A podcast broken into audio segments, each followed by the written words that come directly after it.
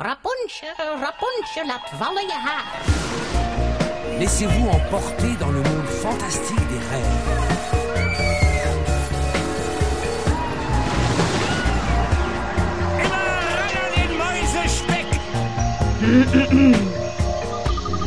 Het is weer ochtend in Pretparkland. Goedemorgen pretparkland en welkom bij je ochtendelijke pretparkpodcast. Mijn naam is Erwin Taats en Yves de Klerk en ik hebben het vandaag over Europa Park.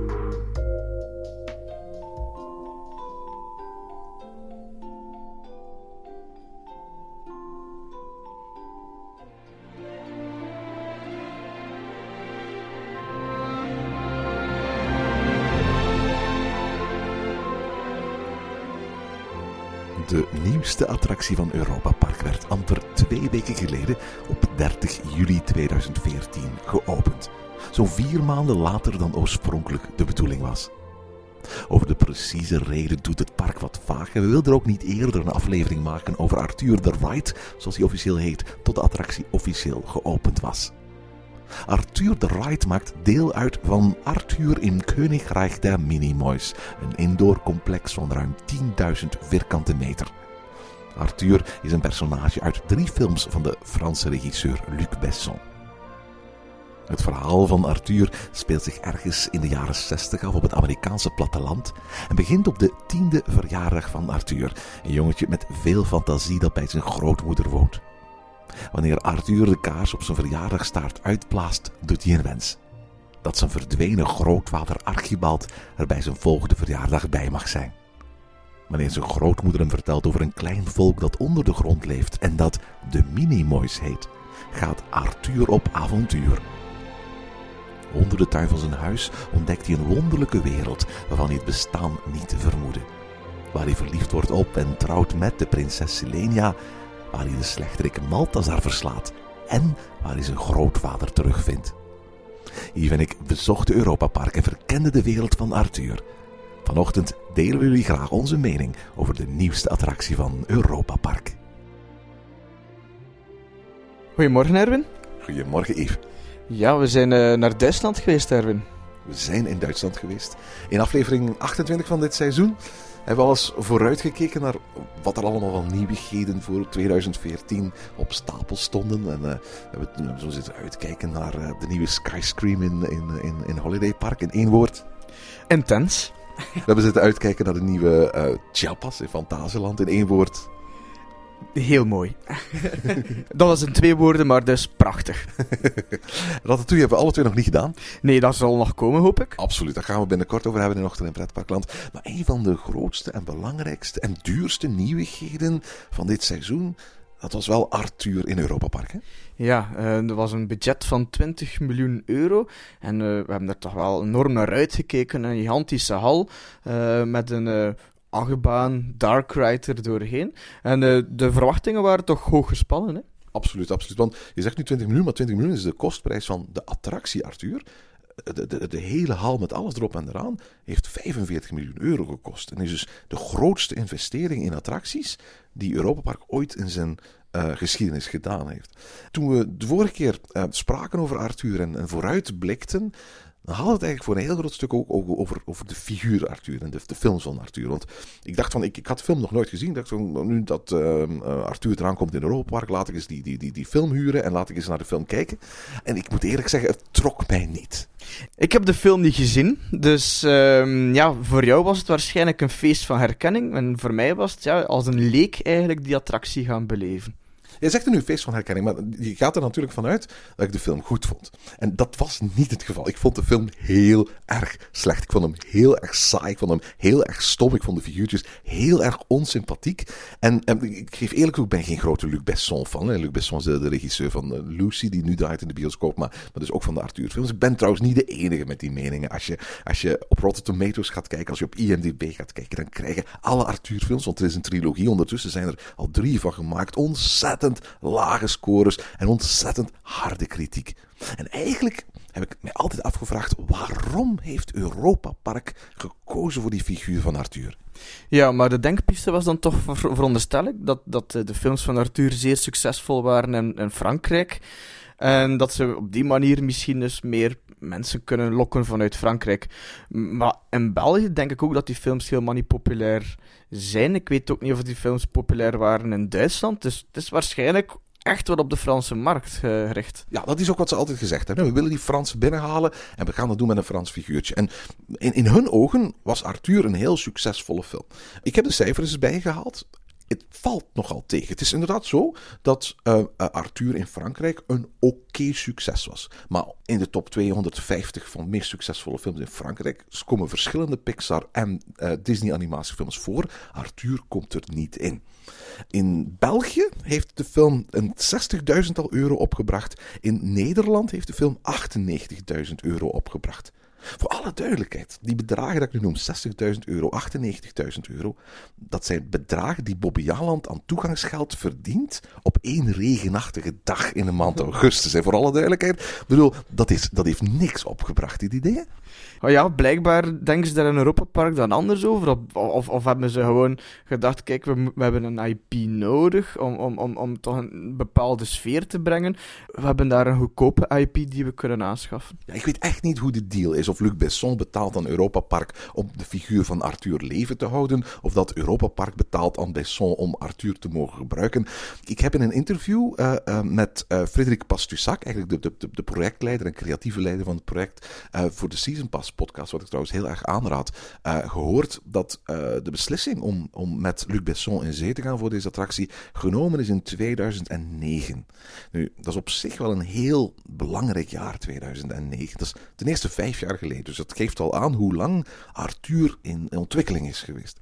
Maar aan de andere kant betekent dat ook nog iets anders. Het betekent ook dat de beslissing om Arthur te ontwikkelen en als attractie te openen in Europa Park gemaakt is voor de twee sequels, want er zijn drie Arthur-films, in de bioscoop zijn geweest. En voor alle duidelijkheid, de tweede film van Arthur, die heeft zelfs in Frankrijk 30 miljoen verlies geleden. De derde film van Arthur, die is zelfs buiten Frankrijk nooit uitgebracht. Die is voor de Britse en Amerikaanse markt zelfs gewoon samengevoegd met de tweede film. Er zijn heel veel onderdelen uit weggeknipt en is één film die direct-to-video uitgebracht. Om maar te zeggen hoe slecht die gescoord hebben. Dus ook al was het zo dat Arthur 1 een bepaald relatief succes was, de beslissing om een Arthur-attractie te maken is gemaakt voor bleek dat Arthur 2 en Arthur 3 zelfs in Frankrijk niet eens zo populair waren. Er zijn bepaalde delen in de Belgische kampen waar de Bobbejaanland Funbrigade op de dag van vandaag populairder is dan Arthur. Dan is het al zeer erg gesteld eigenlijk. Ik, ik snap, ik, ik, dat, dat, daar begint het eigenlijk mee. En bedoel, ik, je gaat mij al van ver horen afkomen wat mijn mening is over de attractie Arthur. Maar het begint eigenlijk al met de keuze van die, van die IP. Los van het feit dat het eigenlijk absoluut geen sympathieke figuren zijn. Dat het geen interessant verhaal is. Ik heb dat net in de inleiding zitten vertellen. En dat, en dat de meerwaarde cinematografisch zo goed als nihil is. Is ook gewoon zo dat die eigenlijk bij lange na niet zo succesvol geweest zijn. Als je de, de cijfers, je kunt de cijfers gaan nakijken op Box Office Mojo, zowel voor Frankrijk als voor de hele wereld. Eigenlijk zijn dat verre van succesvolle producties geweest. En iemand bij, bij Europacorp, dus het bedrijf van, van, uh, van, van Luc Besson, moet op de een of andere reden na heel veel flessen wijn de familie Mack, en met name Michael Mack, hebben overtuigd dat dat wel zo was. En die zijn daar met open ogen ingetrapt. Met als gevolg dat daar nu een waanzinnig grote Arthurwereld is gebouwd, gebaseerd op een figuurtje dat qua populariteit eigenlijk, eigenlijk zo goed als nihil is. Het, ik, toen we in, Europa Park aan het rondwandelen waren, dachten van weet je wat we gaan doen? We gaan eens gaan kijken van wat we eerder tegenkomen. Een kindje dat een souvenir bij zich heeft van Arthur, of een kindje dat een souvenir bij zich heeft van Europa Park zelf. Dus een, een, of iets dergelijks. En heel grappig, we kwamen eerder iemand tegen die een t-shirt aan had van Roland Mak, dan, dan iemand met een Arthur souvenirtje. nu, maar in principe Europa Park heeft dus nu wel een IP gekocht. Maar heb je eigenlijk geen succesvolle IP nodig voor een mooie attractie? Allee, bijvoorbeeld Droomvlucht kan op zichzelf staan, Fata kan op zichzelf staan, zelf Pirates of the Caribbean uiteraard kan op zichzelf staan, de films zijn later gekomen. Ze kunnen daar wel een IP gekocht hebben, maar daarvoor moet de attractie nog niet slecht zijn. Nee, dat is absoluut waar. Het idee van dat, dat Michael Mack vertelde in een interview, dat is van, kijk, de films van, van, van Besson, van Arthur, zitten waarden als opgroeien in volwassenheid, uh, familiebanden, vriendschappen, de wereld ontdekken, avontuur. Dat zijn allemaal waren die ook in de, de, de van de Grims voorkomen. De Grims die komen hier uit het Zwarte Woud. Uh, en omdat die thema's allemaal in sprookjes voorkomen, past Arthur als een modern sprookje op een heel goede manier eigenlijk binnen het sprookjesgebied dat wij hebben ontwikkeld. Ik vind dat persoonlijk heel erg ver gezocht, maar dat is de reden die door de familie Mak werd, en met name Michael Mak, werd gegeven waarom Arthur moest passen binnen dat sprookjesgebied. Ja, en dus als je nu door het Margenwald wandelt, um, dan heb je links de brug over uh, het riviertje die door Europa Park loopt. En dan valt wel enorm op wat voor een groot gebied, een grote attractie uiteindelijk, uh, Arthur heeft gekregen daarin. Dat moet ik absoluut zeggen. Hè. Het is, ik had eigenlijk nooit vermoed, toen ik er vorig jaar passeerde, dat, dat daar op die plek nog zoveel ruimte beschikbaar is. Het is een enorm gebied, hè? Ja, inderdaad. En, en we moeten ook wel zeggen dat het voor het moment een zeer populair gebied is. Zelf het hele Margenwald is eigenlijk zeer druk geworden door allemaal mensen die, die zich een weg banen naar Arthur en, uh, en, en daar eigenlijk de, ja, gaan aanschuiven een zeer lange uh, wachtrij. Ja, jij bent er op een iets drukkere dag geweest dan ik zelf. Dus bij ons was de, de wachtrij nooit langer dan pakweg 35, 40 minuten. Jij hebt zelfs een wachtrij van, van, van anderhalf uur meegemaakt. Hè? Ja, en ik heb dat ook staan aanschuiven. Dus ik heb echt 90 minuten staan aanschuiven voor, uh, voor Arthur te kunnen doen. Maar allee, ik vind het op zich wel jammer dat de komst van die attractie ervoor zorgt dat het hele sprookjesbos zo druk wordt. Het was echt een, een drukte van jawel. Het was eigenlijk het drukste punt van heel Europa Park. Het is een beetje alsof de Efteling hun, hun divecoaster op het Herautenplein zouden bouwen. Ja, inderdaad. Gewoon rustig kuieren en kijken naar de sprookjes zat er op dat moment niet in. Het was echt druk. Je moest oppassen dat je niet tegen andere mensen ging lopen of tegen buggies ging lopen. Um, en allemaal mensen die op pech waren naar Arthur of die van Arthur uh, kwamen. Ja, het is, het is trouwens heel erg tof dat men wel met heel veel zorg heeft omgesprongen met die wereld van Arthur. En dat er al lang voor Arthur geopend werd, eigenlijk een, een hele mooie hint in dat sprookjesbos stond. Want als je de films kijkt, dan is er een bepaalde plek in de tuin van Arthur waar er een gat is. En via dat gat kun je eigenlijk in de wereld van de mini-moois terechtkomen. Wat wordt er gebruikt om dat gat aan te geven, om die exacte plek aan te geven? Wel, in de film is dat een tuinkabouter. Een tuinkabouter met in zijn linkerhand een lantaarntje, terwijl hij zijn rechterhand met zijn vingertje wijzend in de lucht steekt. Nu, die tuinkabouter, die staat er al sinds de opening van de eerste fase van het Mergenwald. En die kom je dus tegen op weg naar de ingang van Arthur. Ja, ja, ja. Die, die, die was mijzelf al eerder opgevallen, omdat ik dat al zo'n goedkoop ding vond. Ik, ik vroeg me echt af. Ze zijn naar de plaatselijke tuincentra gegaan en hebben hier gewoon een tuinkabouter gekocht. En dat nee, nee, nee, komt gewoon van Besson, hoor. Uh, ja, ah, ik wist zelf niet dat het te maken had met Arthur. Uh, ik moet wel zeggen, omdat ik dat niet wist, dat dat te maken had met die film, kwam dat op mij wel goedkoop over. Ja, en nu, nu, nu blijkt dus dat het een, een, een verwijzing is naar wat daar al die tijd zou, zou, zou komen. Want de plannen zijn dus gesmeed in 2009 om die attractie te bouwen. Ik heb de bouw van Arthur gevolgd en de plannen van Arthur. Ik had er nooit een goed oog op. Maar vooral, het was mijzelf tijdens de, de bouw nooit 100% duidelijk van wat voor attractie ik me nu eigenlijk van Arthur moest voorstellen. De eerste berichten was dat het een soort van powered coaster ging zijn. Een soort van Alpen Express, maar dan, maar dan inverted. En ik ging er eigenlijk in de eerste instantie vanuit dat het een, een achtbaan ging worden. Daarna werd het steeds meer duidelijk en duidelijk en duidelijk dat het eigenlijk een een soort van droomvluchtachtige zou zijn. Namelijk een, een attractie met heel veel thematisering. Echt een dark ride, waarbij dan op het einde, net zoals je het Sompenwoud hebt in Droomvlucht, een, een snellere gedeelte zou zitten. Wat, wat, wat, denk jij, wat, vind jij? We hebben het nu al twee gedaan. Arthur is een achtbaan, is het een dark ride? Um, ja, het is eigenlijk alle twee. Dus het stukje naar buiten is dan ook het snelste stuk. Daar heb je wel een klein beetje het achtbaangevoel, kan ik zeggen. En dan het stuk binnen is dan, is dan Dark Ride. Uh, wat is het nu meest? Het is misschien meest nog een, een achtbaan. Denk je dat? Vind je dat?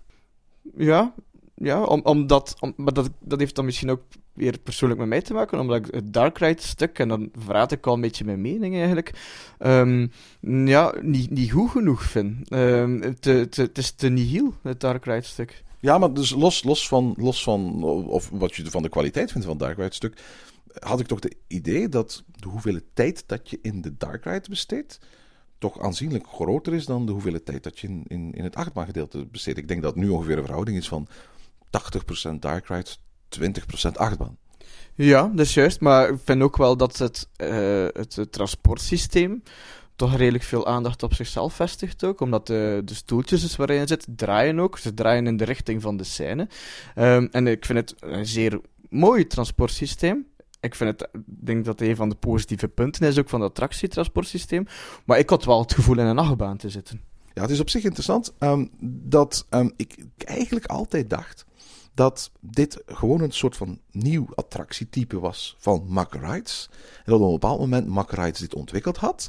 En uh, ze vervolgens naar Europa Park waren geweest en gezegd van, zeg, uh, zoek eens een thema, zoek eens een manier om die attractie in jullie tuin te zetten, zodat wij andere uh, geïnteresseerde pretparken geïnteresseerd kunnen maken in dit soort attractietype. Want we weten allemaal, Europa Park is eigenlijk een soort van etalage, een soort van toonzaal voor wat Mack Rides allemaal te koop heeft staan. Maar in dat interview met uh, Frederik Passusak in, in, in de Season Pass um, vertelt hij eigenlijk dat dat helemaal niet de ontstaansgeschiedenis is geweest. Men heeft eerst Arthur gekocht. Men heeft dan op zoek gegaan naar wat gaan we doen met Arthur. En eigenlijk wou men eerst een volledige uh, dark ride te maken. Daaruit is dan het idee gekomen om daar toch wel wat spektakel aan toe te voegen, omdat er ook een aantal spectaculaire scènes zitten in de Arthur film zelf. En daaruit is eigenlijk vanzelf dat transportsysteem ontstaan. Ja, wel, en dat zeg ik, dus het transportsysteem. Ik hoop dat ik dat ook wel kan zien aan andere pretparken. Ik vind het een zeer mooi transportsysteem. Maar ja, komt wel inderdaad over als een powered inverted coaster. Ja, absoluut. Ik moet zeggen, Um, er zijn heel veel goede dingen te zeggen dan Arthur. Hè? Want ik heb me tot nu toe een beetje gefocust op, op, op die IP. Maar de attractie Arthur, de, de indoorhal Arthur, maar zeker ook het transportsysteem dat voor Arthur ontwikkeld is, is geweldig. Um, volgens mij kan het een hele toffe outdoor uh, powered inverted coaster opleveren. Maar zeker als transportsysteem voor een dark ride lijkt me het geweldig. Ik bedoel, het is eigenlijk jammer dat ze pas vorig jaar heel die droomvlucht uh, vernieuwd hebben. En het zou waarschijnlijk nooit gepast hebben, want het zijn echt enorme, enorme treinen en zo. Maar wat een geweldig mooi uh, transportsysteem. En wat, wat, wat, een enorme mogelijkheden dit transportsysteem biedt eigenlijk. Hè. Ja, het is echt een transportsysteem dat um, de mogelijkheid biedt om, om jou volledig te omringen en, en een grote scène en, en, en, en waar je eigenlijk ook onder jou zou kunnen kijken om daar nog details te kunnen zien. Er kan eigenlijk, ja, je, je kan je volledig gaan inleven in een bepaalde wereld door dat transportsysteem kan, kan jou echt gaan omringen. Hè? Nog, nog veel meer dan droomvlucht, want uiteindelijk in droomvlucht blijf je gewoon aan de kant. Maar hier kan je volledig in de actie zitten door dat transportsysteem. En dat is echt wel een, een pluspunt. Ja, absoluut. Ik moet eerlijk zeggen, ik, ik vond het bijzonder smooth. Ik vond het geweldig om in te zitten. Het zijn hele ruime zitjes. Uh, je hebt bijzonder veel vrijheid. Het is, een, het is, een, het is alleen maar een, een, een die er eventjes overheen gaat. Je hebt onboard geluid, onboard speakers, waardoor um, de muziek perfect getimed kan worden. Er is behoorlijk wat afstand, ik geloof drie meter tussen elk karretje uh, uh, binnen hetzelfde treintje. En dat betekent eigenlijk dat, dat uh, voor het ene karretje een bepaalde scène langer of korter kan, kan, kan duren, naar gelang in welke richting je, je, je, je binnenkomt. Om dat probleem uh, te vermijden, hebben ze er echt voor gezorgd dat voor elk karretje een aparte soundtrack is gemaakt. Dus of je nu in de eerste rij, de tweede rij of de derde rij zit, je hoort een andere soundtrack die perfect op de juiste momenten, de juiste cues, de, de, de, de, de muziek gaat inzetten. En dat is waarlijk geweldig. En naar een goede oude Europa Park traditie. Denk maar aan Eurostad, Euromeer. Begint ook deze met de spiraallift. Ja, inderdaad. Hè. Dus gaat zo helemaal naar boven uh, een spiraal naar een soort koepel. En dan zie je inderdaad ook al, ja, dan ben je eigenlijk met de Dark Ride. Dat zijn de eerste scènes die we daar vinden. Um, ja. Um, maar uh, voordat we misschien echt spreken over de attractie, Erwin, uh, moeten we misschien nog iets zeggen over, over de volledige hal. Want het is niet alleen de Dark Ride slash achtbaan die we daar vinden. Het zijn ook nog een aantal kinderattracties binnen die hal zelf. Ja, absoluut. En misschien moeten we zelfs nog een stapje uh, verder terug doen en eventjes de aanloop vertellen. Als je dus uh, over het spoor naar Arthur wandelt, dan passeer je eerst naar een aantal langs een aantal hele grote grassprietjes en bloemetjes. En ergens wordt daar bijna de illusie gewekt, althans zo heb ik het begrepen, dat je op dat moment de wereld van de Minimoys binnenwandelt en dat je op dat moment eigenlijk zelf heel erg klein geworden bent. En er zijn tal van ehm, dingen die dat ondersteunen. Er staat een enorme kikker, een kikker die groter is dan jezelf en die regelmatig de mensen nat spuit. Uh, de kleine kiezelsteentjes blijken allemaal forse rotsen geworden te zijn. En overal zie je ontzettend grote bladeren, ontzettend grote bloemen, ontzettend grote paddenstoelen, ontzettend grote uh, grasprietjes die aangeven van jij bent nu als, als mens eigenlijk verkleind en in die wereld van die minimoys binnengewandeld. Ik moet eerlijk toegeven, van, uh, men probeert zo'n verticale tuin te maken aan de buitenkant van het, uh, uh, van het gebouw.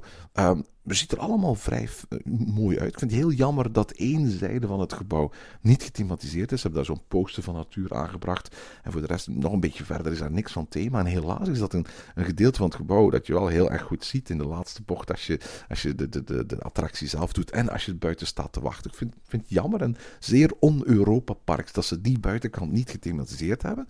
Maar, maar, maar, maar absoluut, ik vond, als je eenmaal dat over de brug bent, over de Els bent en, daar dat themagebied binnenwandelt, dat daar een hele mooie sfeer heerst. En zo super dat ze zoveel bomen hebben kunnen laten staan, waardoor dat die natuur volop uh, indruk kan maken. Ja, inderdaad. En je voelt je inderdaad ook wel kleiner door de omgeving. En dan zeker ook als je de, de, de hal binnenkomt. Hè. Als je de hal binnenkomt, dan word je omringd door, door ja, hoog gras, uh, door grote bloemen. En we moeten wel eerlijk zijn, dat is toch mijn mening. Ik vind die hal van binnen zeer, zeer geslaagd. Zeer mooi gemaakt. Ja, absoluut. Om, om een aantal redenen. Ten eerste, um, um, het is, het is, een, het is een, een hal die uh, je volledig omringt door de wereld. Het is in tegenstelling tot een gemiddelde plopsehal geen hal die volgezet is met attracties, maar een, grote, een groot verdeelplein met aan de randen allemaal attracties en winkeltjes en restaurantjes en dat soort dingen meer. Bovendien is het zo dat men met twee dingen heel goed rekening gehouden heeft. Ten eerste, het plafond is heel fraai en nogal minimaal weggewerkt. Hè? Want uiteraard de treinen maken voortdurend rondjes aan de bovenkant, dus je gaat automatisch naar omhoog kijken. En dat zorgt er dus niet voor dat je zo'n ongethematiseerd plafond ziet. Het tweede is, uh, wat ik ook heel goed vind, ook al is het zo dat die treinen daar voortdurend door passeren, het transportsysteem is behoorlijk stil, behoorlijk rustig, waardoor die hal akoestisch gezien niet zo die, die helse zwembadakoestiek heeft die in, in, in, in Toverland en in de Plopsa en Doorparken vaak aanwezig is. Ja, en dat kan misschien ook wel door de ja, toch vele aankledingen zijn. Hè? Dus uh, je vindt daar een, een, een, voor de kinderen een soort glijbanen paradijs. Ik weet eigenlijk niet juist hoeveel glijbanen er zijn, misschien een stuk of drie. Um, maar wel zeer mooi weggewerkt. En allerlei huisjes. Je ziet ook een aantal animatronics uh, van de wereld van Arthur. Um, en dan als je naar de linkerkant kijkt, hebben we daar nog een tweetal kleinere attracties. Ik dacht een kleine valtoren ook. Er moesten oorspronkelijk twee zijn. Als je naar, naar de patroon op de, de, de vloer kijkt, dan zie je werkelijk dat men twee plaatsen heeft, heeft aangelegd waar zo'n valtoren zou kunnen worden gezet. Maar uiteindelijk is blijkbaar, misschien om budgettaire reden, maar daar kunnen we alleen maar naar gokken, die tweede toren op het laatste moment weggelaten. En, en is die, twee, dat twee, die tweede oppervlakte die men gemaakt heeft, eh, wordt nu gebruikt als soort van wachtruimte voor, voor ouders. En er is ook zo'n mulmulmolen, zo'n, zo'n, zo'n ja, wat is het, zo'n kikkermolen zoals in Plopsa. Ja, maar zeer mooi weggewerkt ook. Hè. Uh, is een gebied met grote klaprozen. En uh, dat zorgt er wel voor dat je ja, dat, dat je in een andere wereld terechtgekomen bent. Een zeer mooie wereld op dat moment. En je voelt je ook wel een pak kleiner. En dan, als je kijkt naar de rechterkant, daar heb je dan uh, de aanschuifvrij voor de grote attractie van Arthur. Ja, aan de linkerkant is er trouwens ook nog een, een, een restaurant. Uh, een take-out restaurant waar je uh, vrij gezonde spullen, broodjes, uh, salades, smoothies en zo kunt, kunt krijgen. Die allemaal biologisch zouden zijn. Dat had Europa Park nog niet. Um, in de hal is het, is het nogal donker om, om, om te eten. En je zit ook onder een aantal netten.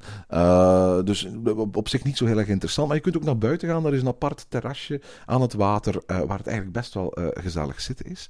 Um, Um, en wat ook, wat ook interessant is, als je dus het, het glijbanenparcours uh, neemt, dan kun je uh, een trap nemen naar omhoog. En daar is vrij lui een, een, een bioscoopruimte ingericht, waar je gewoon in grote zitzakken kunt gaan zitten en waar je gewoon naar de Arthur-film kunt gaan kijken. Uh, wellicht omdat ze wisten van, uh, ja, mensen gaan die film niet gezien hebben. Dus, uh, dus we moeten die toch ergens laten, laten zien. Dus op, het eerste, op de eerste verdieping is gewoon een Arthur-bioscoop. Ja, dus ik kon eigenlijk mij daar onmiddellijk gaan bijscholen in de wereld van Arthur. Ja, als je, als je anderhalf uur had, dan, dan, dan, kon het. Maar ja, ik had anderhalf, anderhalf uur, want ik heb anderhalf uur moeten naschuiven. ja, misschien gewoon inderdaad beter gewoon naar die film gaan kijken en dan, en dan gewoon de Single Riders line genomen. Dat ging geen slecht idee geweest zijn. Dan, gaan we het hebben over de, de, de, de attractie zelf. Hè. Um, um, er is een, inderdaad een, een, een, een entreeruimte. En als je uh, boven die entree uh, uh, kijkt, dan is daar een deurtje. Daar komt af en toe zo'n zo'n Minimoys animatronic uit. Die is in paniek, want de schat van de Minimoys is, is gestolen. En hij vraagt aan de bezoekers om hem te helpen om die schat van de boze Maltazar, dat is zo'n beetje de op Voldemort gebaseerde slechterik, je ziet er ook een beetje Voldemort uit Harry Potter-achtig uit eigenlijk eerlijk gezegd, uh, terug te brengen. Ja, en er zijn dus heel wat helpers, uh, waardoor je eigenlijk, ik zelf dus, um, een lang stuk heb moeten, moeten aanschuiven. De aanschuifvrij kronkelt zich in de eerste plaats door de tuin van Arthur. Um, je hebt wel een mooie interactie ook met de treintjes die daar passeren. En dan heb je ook nog, een, nog een, binnen nog wel een aanzienlijke wachtrij. Nu, je hebt ook de keuze voor de single riders. En ik denk dat dat wel de beste keuze is als het zeer druk is. Als je kan, dat je die single riders lijn neemt. Ik zag uh, in het station dat daar een man of tien stond, maar eigenlijk niet meer. Dus dat is misschien wel een goede optie. Ja, we hebben zowel de, de, de gewone uh, rij gedaan als de single riders uh, rij. Uh, de tip daar is, um, als, als je bovenaan de laatste trap terechtkomt in de single riders line, moet je ongeveer een kwartier wachten om in te stappen.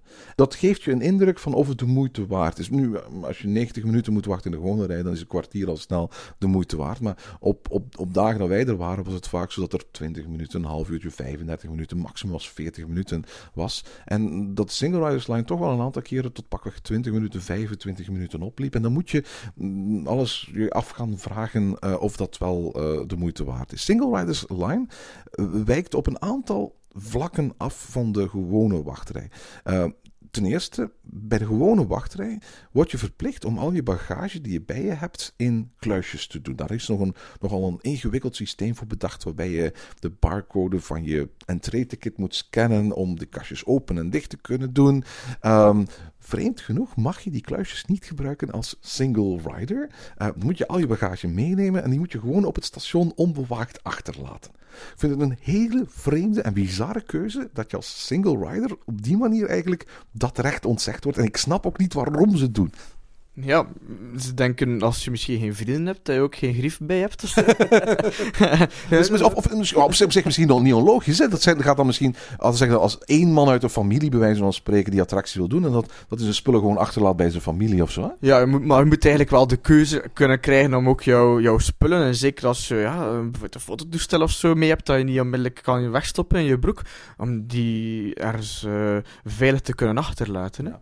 Een tweede uh, verschil is dat in de wachtrij worden de personages van Arthur en, laten we zeggen, een, uitgangspunt van de attractie aan de hand van een aantal tv-schermen geïllustreerd. Waardoor je niet geheel uh, uh, onwetend in de kaartjes stapt. Dat geheel ontbreekt volledig als je de single riders lijn hebt gedaan. Daar, gaat men, daar moet je dan echt wel van uitgaan van, ik ken Arthur, ik ken de figuurtjes en ik, ken ook, ik weet ook wat de bedoeling is van de attractie. Ja, dus je hebt inderdaad een aantal tv-schermen waar zo de personages inderdaad worden uh, voorgesteld. Um, en ja, oké. Ik was eigenlijk zodanig aan het praten ook met, uh, met de andere mensen dat ik dat eigenlijk voor een stukje heb gemist. Nu, een groot gemis is dat eigenlijk niet. Het doet twee dingen. Ten eerste, het stelt de hoofdpersonages voor. Arthur, uh, prinses Selenia en Beta. Hè. Een, een, een, prins eigenlijk in de, de wereld van de Minimoys. Het tweede wat het doet is eigenlijk het, het, het, de, de basis achter de attractie uitleggen. Namelijk vertellen dat Maltazar een, een, een, schat gestolen heeft en dat jij gevraagd wordt om interactief die schat terug te gaan stelen. En dat doe je door gebruik te maken van een knop die aangebracht is in de heupbeugel van je kaartjes. En door zodra je oog in oog komt te staan met Maltazar, die, die knop te gaan gebruiken, kun je als het ware meehelpen om Maltazar uit te schakelen. Dan gaan bepaalde lichtstralen op Maltazar schijnen, daar kan hij niet tegen. En op die manier kun je de schat als het ware terugkrijgen. Dat gegeven, het feit dat je dus van die knop die in die beugel staat gebruik moet maken, wordt dus uitgelegd in de gewone wachtrij. Maar is dus iets als je gewoon de single riders line ehm, ehm, neemt. Of als je ehm, met je vriend aan het praten bent, je misschien niet meekrijgt. Zelf dan nog eh, zag ik dat de persoon naast mij, die ik niet kende, het ook niet door had dat hij op die knop moest duwen. Ja, ik weet niet of dat, uh, of dat zo duidelijk is voor de mensen te koeren, dat ze op die knop moeten duwen. En ik weet ook niet of dat het eigenlijk iets uitmaakt. zou de scène anders zijn mocht, je, mocht iedereen op die knop duwen? Of mochten er mensen zijn die niet op die knop duwen? Zou de scène veranderen? Ik denk het niet eigenlijk. De scène verandert niet, maar wat erna komt verandert wel. Het achtbaangedeelte, na uh, het, het, gedeelte met de slechterik, daar zijn vijf verschillende programma's voor.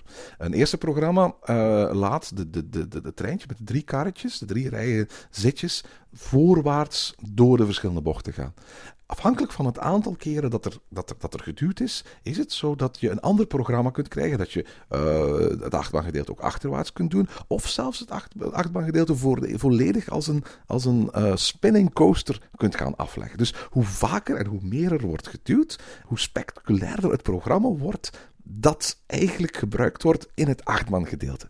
Eh, de volgende keer iedereen aanmanen van treintje om, om het toch te duwen. ja, abso ja, absoluut. Eh, nu, dat wordt een beetje vaag verteld in de wacht, maar ik denk dat de meeste mensen dat, dat, dat niet 100% snappen. En volgens mij hoort het ook in het rijtje thuis van opties waarmee Europa Park graag zijn attracties uitrust, om dan bij wijze van spreken, als die attractie verkocht worden aan een ander park, te laten zien wat zoiets allemaal kan. Hè. Denk maar aan uh, de, de, de online uh, video's bij de Matterhorn bobsled of, of de hartslagmeter bij Bluefire.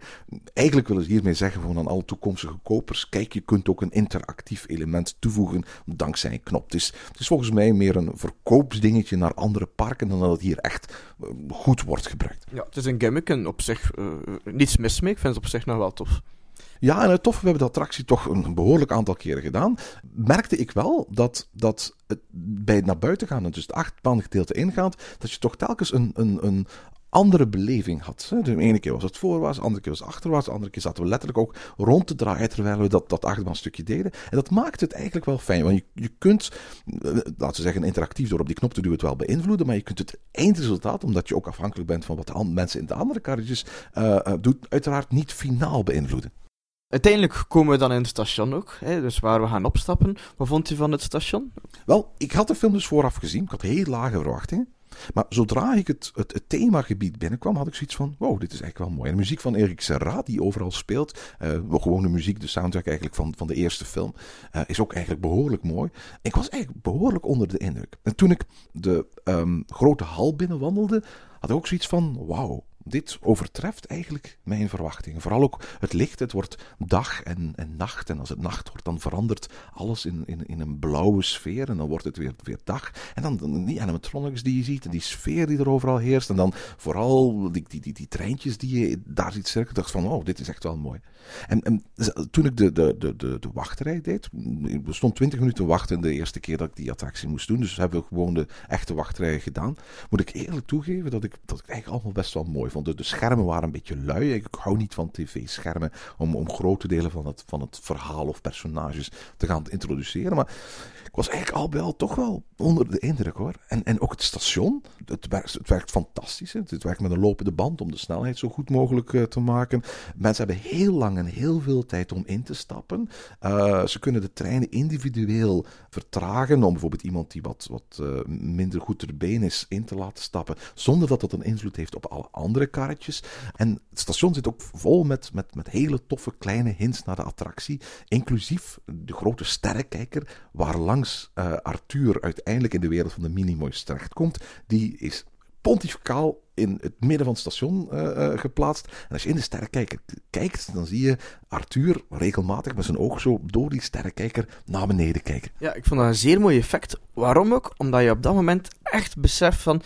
Oh, ik ben hier zeer klein. Er wordt, er wordt op jou neergekeken, ja, vanuit, ja, vanuit de hoogte zou ik wel kunnen zeggen. En je voelt je klein, je voelt je echt klein. Ik vond het een zeer mooi station. Er hangt daar ook een kaart waar er dingen op geprojecteerd worden, speciale effecten. Er is nog een animatronic die zo aan hendeltjes trekt, die precies de hele uh, zaak in hang trekt. En, en ja, ik vond het een zeer sfeervol station.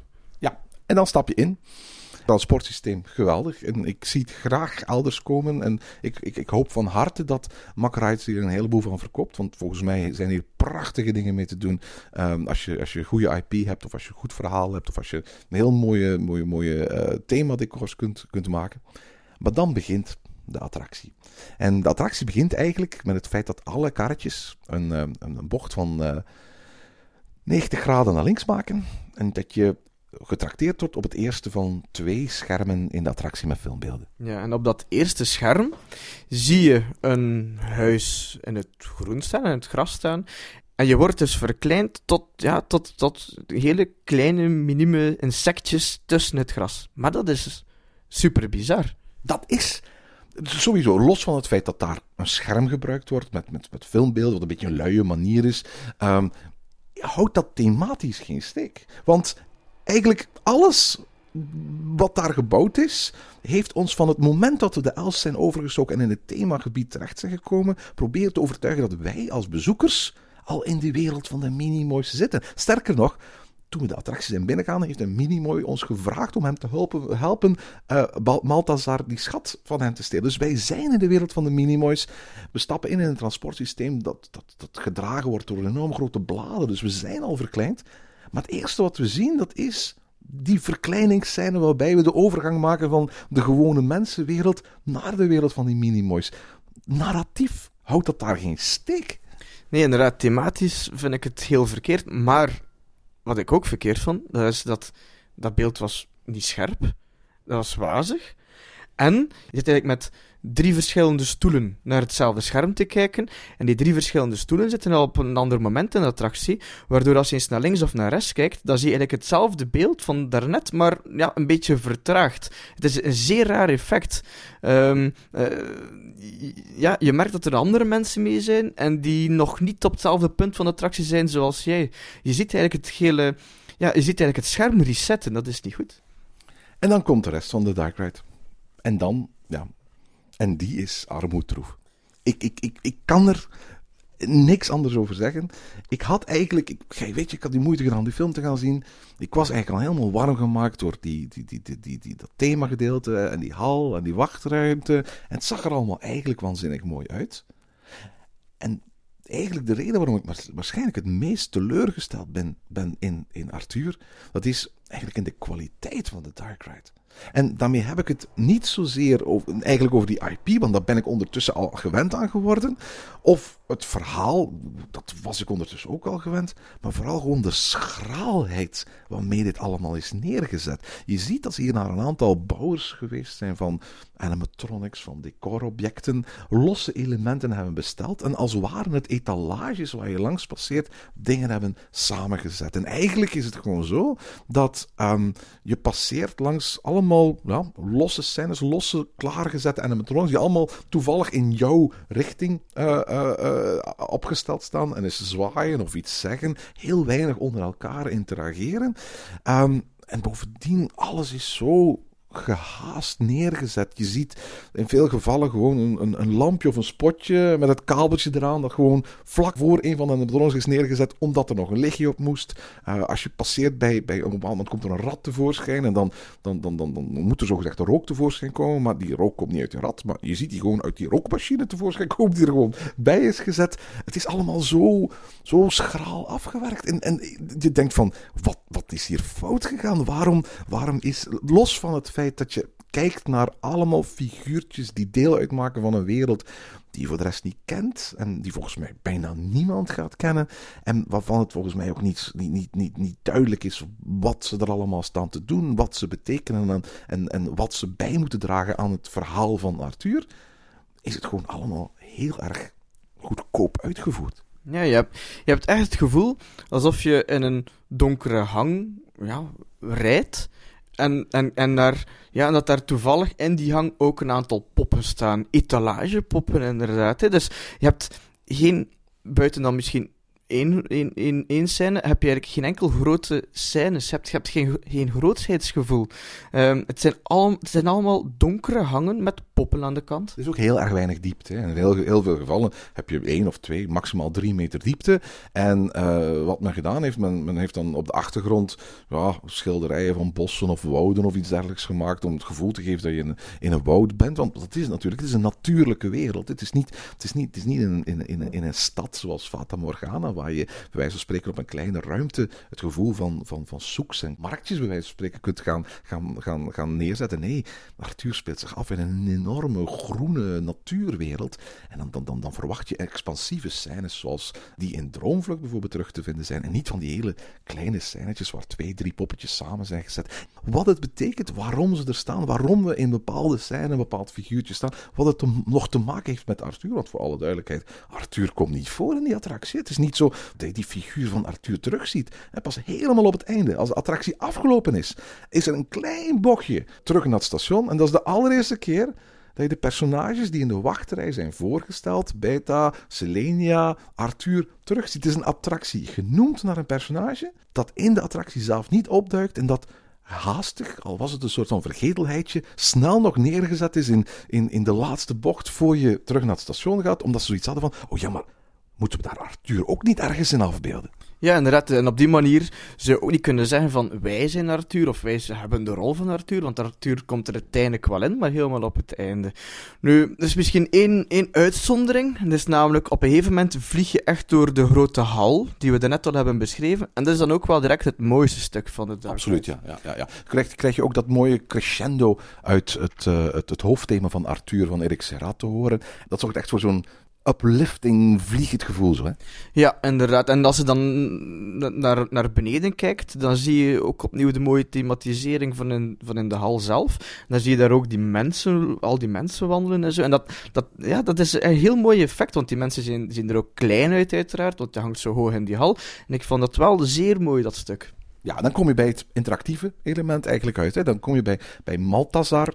Die schreeuwt dan iets tegen, tegen jou. En dan moet je op die knopjes gaan duwen. Daar, daar kom je echt ook tot stilstand in die scène. Ja, je staat inderdaad stil. Je kijkt dus naar hoe Maltazar daar op zijn troon zit.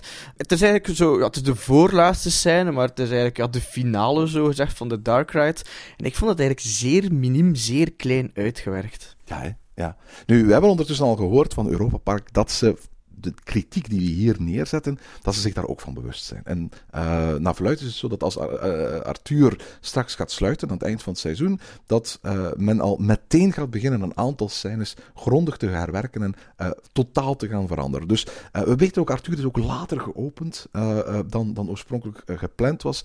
De exacte reden daarvoor kennen we niet, maar ondertussen is de projectleider, waar ik al een aantal keren naar verwezen heb, Frederik Pastuzak, de deur gewezen daarbij bij Europa Park, althans hij niet meer in dienst daar. Dus dat, geeft al zo'n veeg teken aan de wand van, van dat men daar in uh, Roest ook wel weet dat die attractie misschien niet zo superveel voorstelt. Uiteraard heb je lange wachtrij. Het is een nieuwe attractie en je kunt nergens in het park rondlopen zonder bewust te worden van het feit dat hij nieuw is. Op alle cola-bekers staat gewoon reclame voor, voor Arthur. Op elk foldertje op, op, de staat reclame voor Arthur. Um, uiteraard is dit een nieuwe attractie en zal die een behoorlijke populariteit hebben. En door het feit dat die ook heel erg, in, heel erg breed toegankelijk is, hè, van jong tot oud, kunnen er zonder probleem op, is het een attractie die wat, mij betreft eigenlijk een, een, een, zonder twijfel een groot publiek gaat aanspreken.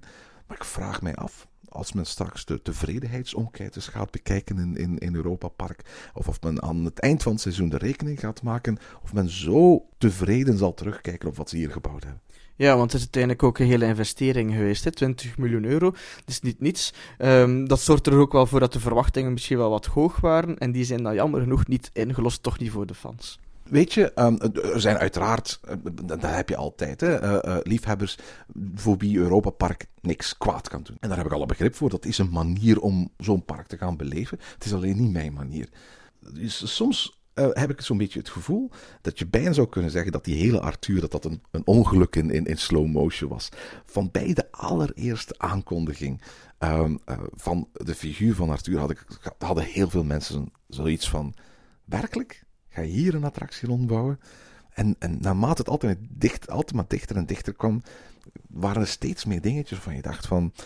Ehm, dit zal het toch niet zijn. En dan kwam die eerste On-Ride, ehm, die toch denk ik een vrij goede indruk gaf van wat het eindresultaat was. Uh, en dan, dan, dan, dan, zag je gewoon het hele internet, of pretparkland op internet in elk geval, als, als, als één grote toren in elkaar storten. En iedereen stortte zich over dat, dat YouTube-filmpje heen, want wat verschrikkelijk slecht zag, zag dat daaruit. Weet je, het heeft met zoveel dingen te maken. Het heeft met IP te maken, het heeft met verwachtingen te maken, het heeft absoluut ook met afwerking te maken. Deze attractie is niet van het niveau afgewerkt als de rest van het themagebied. Maar het heeft, het heeft uiteraard ook met storytelling te maken. Het heeft ook te maken met de manier waarop dit verhaal verteld wordt. Universal kan wegraken, denk ik, met Harry Potter. Harry Potter attracties kun je bouwen, want Harry Potter maakt nu eenmaal een deel uit van als het ons, ons, ons gemeenschappelijk discours. Je moet al heel ver weg hebben gezeten de afgelopen 15 jaar om, om niet vertrouwd te zijn met wie Harry Potter is en, en, en wat in grote lijnen de achtergrond is van Harry Potter en de mythologie eromheen. Dat kan Europa Park niet doen met Arthur. Je, moet als het ware je bezoekers, als je, als je zo'n figuren gaat gebruiken, gaan opleiden. Je gaat ze moeten opvoeden. Doen ze ook, probeer ze ook. Want in de, de, de, de 4D-bioscoop speelt op dit moment een nogal grof gemonteerde samenvatting van de eerste twee films. Van de figuren die je ziet trouwens in de Arthur-attractie, komen niet alleen uit de eerste film, maar ook uit de tweede film. Van de eerste twee films, waardoor je als bezoeker eigenlijk het advies zou kunnen krijgen. Ga eerst naar de 4D-bioscoop, ga daar die, die, die compilatiefilm bekijken van Arthur en ga dan de nieuwe attractie gaan zien. Dat is wel een heel hele luie manier van storytelling. Hè? Ja, inderdaad. En dat is ook niet hetgeen wat we misschien ja, gewoon geraakt zijn van Disney en dergelijke. Die, die, die dan wel uh, storytelling enorm in de vingers hebben. En bij Europa Park ja, zien we dat dat toch nog niet zo goed lukt. Het is heel interessant. In een heel recent interview vertelde oud-Disney-imagineer Tony Baxter dat de slechtste dark rides de structuur hebben van een slechte boekbespreking van, kijk daar dit personage en kijk daar dat personage. En dan gebeurt dat en vervolgens gebeurt dat en kijk, zo loopt het af. Dat, is eigenlijk hoe slechte boekbesprekingen, zo die, die, die scholieren in het middelbaar moeten schrijven, heel vaak eruit zien. Hij gebruikt de structuur van een boekbespreking om kritiek te geven in dat interview op een aantal uh, eigen Disney Dark Rides die volgens hem beter hadden gekund. Maar ik vind dat de vergelijking dat hij maakt eigenlijk prima past bij Arthur. Zonder dat je de films gezien hebt, heb je waarlijk niks aan de rit. En mijn gezelschap, die, die, die, die, die uh, de films niet had gezien, die kwamen uit Atuur en die hadden zoiets van: What the fuck heb ik nu gezien? Waar, waar ging dit over? Wat was dit? Net zoals een slechte boekbespreking vooral opsomt waar wat in een boek gebeurt, somt Arthur gewoon op wat in de film zit. Het is een fout die, die Europa Park al eerder maakte. Europa Park is eigenlijk een hele slechte storyteller. Uh, uh, op een veel kleinere schaal was dat bij, het sneeuwvlokje Dark Ride. Daar hebben ze letterlijk gewoon het verhaal uh, van die Russische legende waar Sneeuwvlokje op gebaseerd is, gewoon in het groot uitgeschreven op de muur van een wachtruimte. En als je dan eenmaal in de attractie stapt, dan, dan moet je uit dat verhaal alle personages onthouden hebben, alle gebeurtenissen onthouden hebben. En dan komen gewoon een aantal van die dingetjes terug die je, die je, die je net gelezen hebt. En eigenlijk is voor Arthur exact hetzelfde sneeuwvlokjes storytelling principe gebruikt. Maar in plaats van dat je hier eerst op de muur het verhaal kunt lezen, moet je eigenlijk hier eerst thuis de films gezien hebben of in de 4D-bioscoop de samenvatting film, van de films uh, uh, gaan zien. En dan nog, uh, het zijn twee films van, van, van, van, bijna twee uur samengevat op tien minuutjes. je ziet zoveel personages, je ziet zoveel gebeurtenissen dat het, dat het een heel erg onsamenhangend en volgens mij moeilijk te memoriseren gegeven is, waardoor als je eenmaal in, in het Arthur-themagebied terechtgekomen bent, je amper nog weet van wat je allemaal gezien hebt. Um, de beste Dark Ride, Saif, die dompelen je onder in een sfeer waar personages of chronologische gebeurtenissen geen rol spelen. Arthur doet dat is vliegen langs etalages van gewoon een hele erg dure decorwinkel. Of als het lezen van een slechte samenvatting van twee films. Ja, inderdaad. En nu, het is uh, wel ook de duurste Dark Ride natuurlijk in Europa Park. Is het dan ook ook al hebben we nu wel een behoorlijk slechte review gegeven eigenlijk van die attractie, maar is het dan ook... Terecht. Terecht. Is het dan ook, omdat het zo'n dure attractie is, is het dan ook de beste dark ride van Europa Park? Of vindt je dat er in Europa Park zelf nog betere voorbeelden zijn? De tofste dark rides zijn die dark rides die, die niet proberen om een verhaal te vertellen. Ehm, maar die vooral proberen om je onder te dompelen in een bepaalde sfeer. Europa Park en dark rides Echt een heel goede reputatie hebben die niet. Er zijn er trouwens behoorlijk wat. Maar ik, geniet veel meer van een ritje, in het universum de, eh, van energie. De, de, Dino Dark die dit jaar een serieuze update heeft gekregen. Of zelfs het Geisterschloss of, of, of Piraten van Batavia.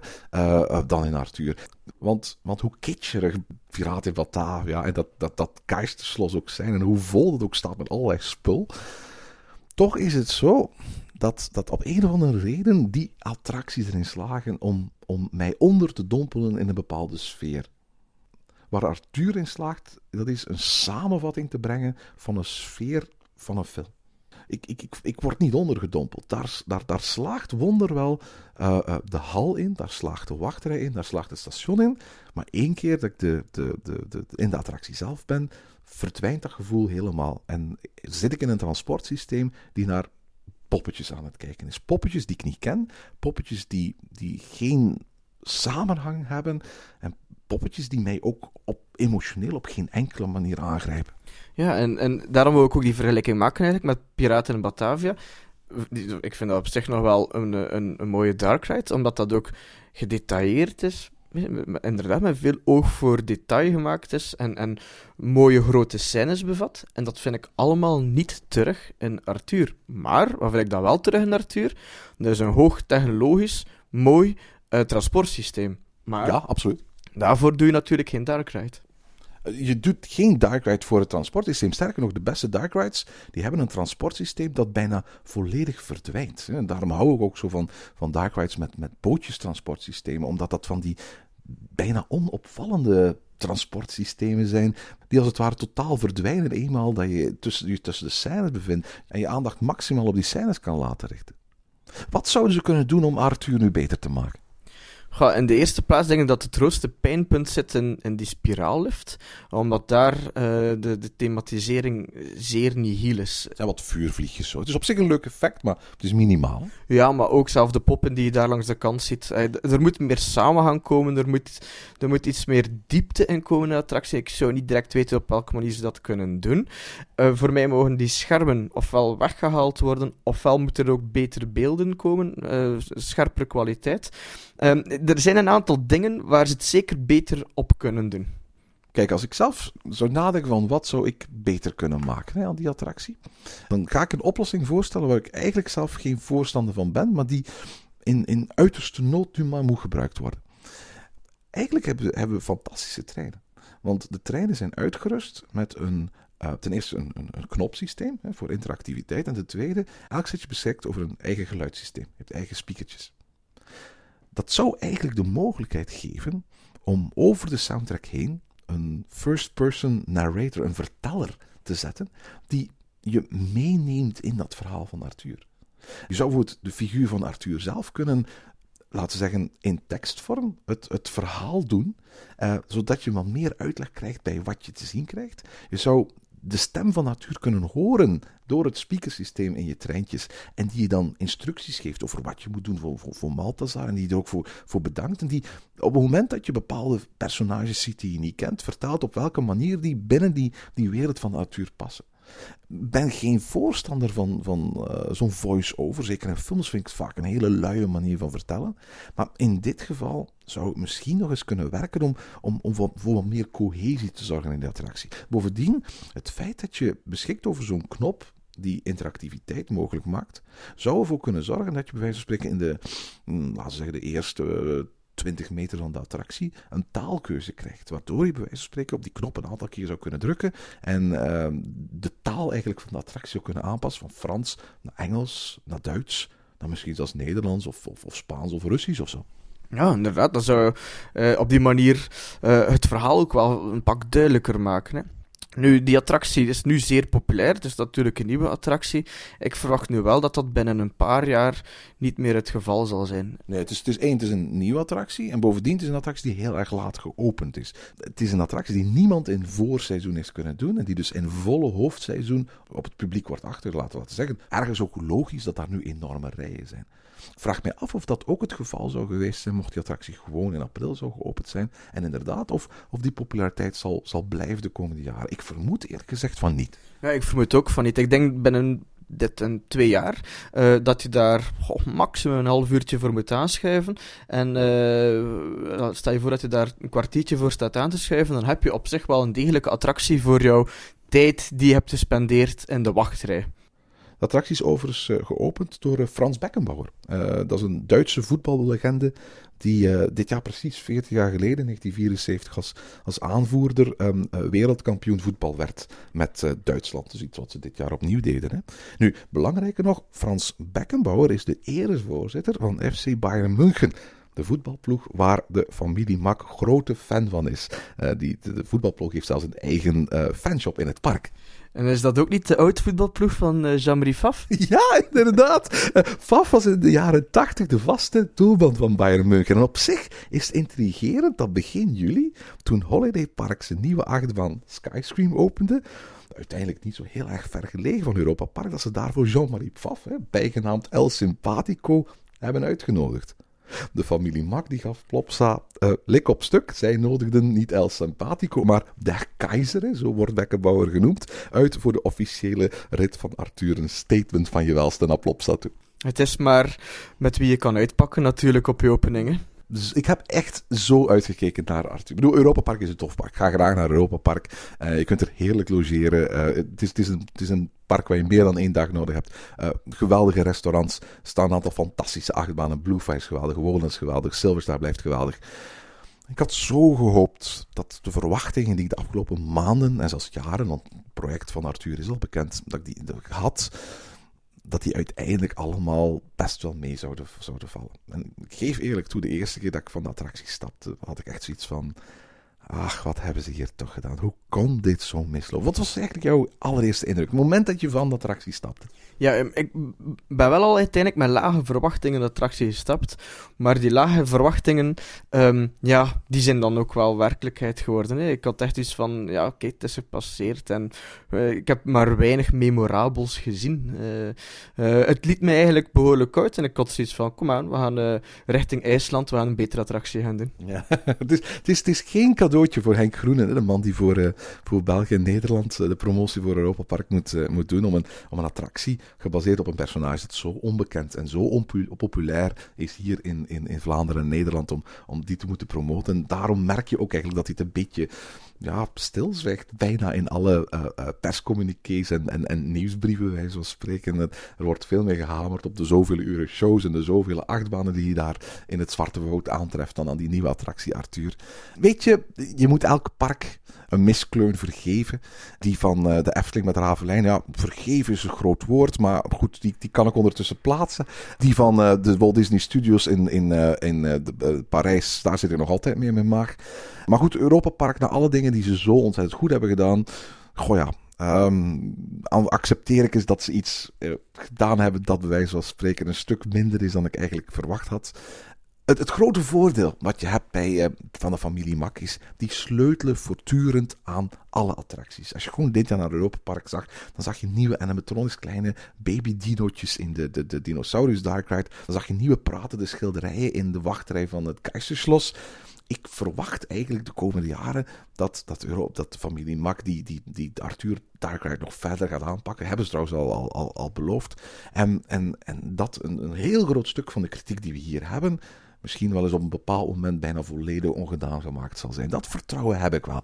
Ja, ik ook wel. En uiteindelijk, um, de familie Mak blijft inderdaad investeren in uh, Europa Park en u zelf daarbuiten. We kunnen ook nog eh, verder kijken dan alleen Europa Park nu met de komst van een groot waterpark in 2017, 2018. Zeg, uh, Luc Besson heeft ook een, een film onder water, hè, de, de Le Grand Breu gemaakt. Laten ze daar alsjeblieft ver vanaf blijven voor de waterparken. Hopelijk wel. Hopelijk gaan ze voor hun eigen sfeer zorgen. En, uh, en, en ja, het is natuurlijk zeer boeiend om, uh, om, om alles te volgen in Europa Park, om vele investeringen te volgen.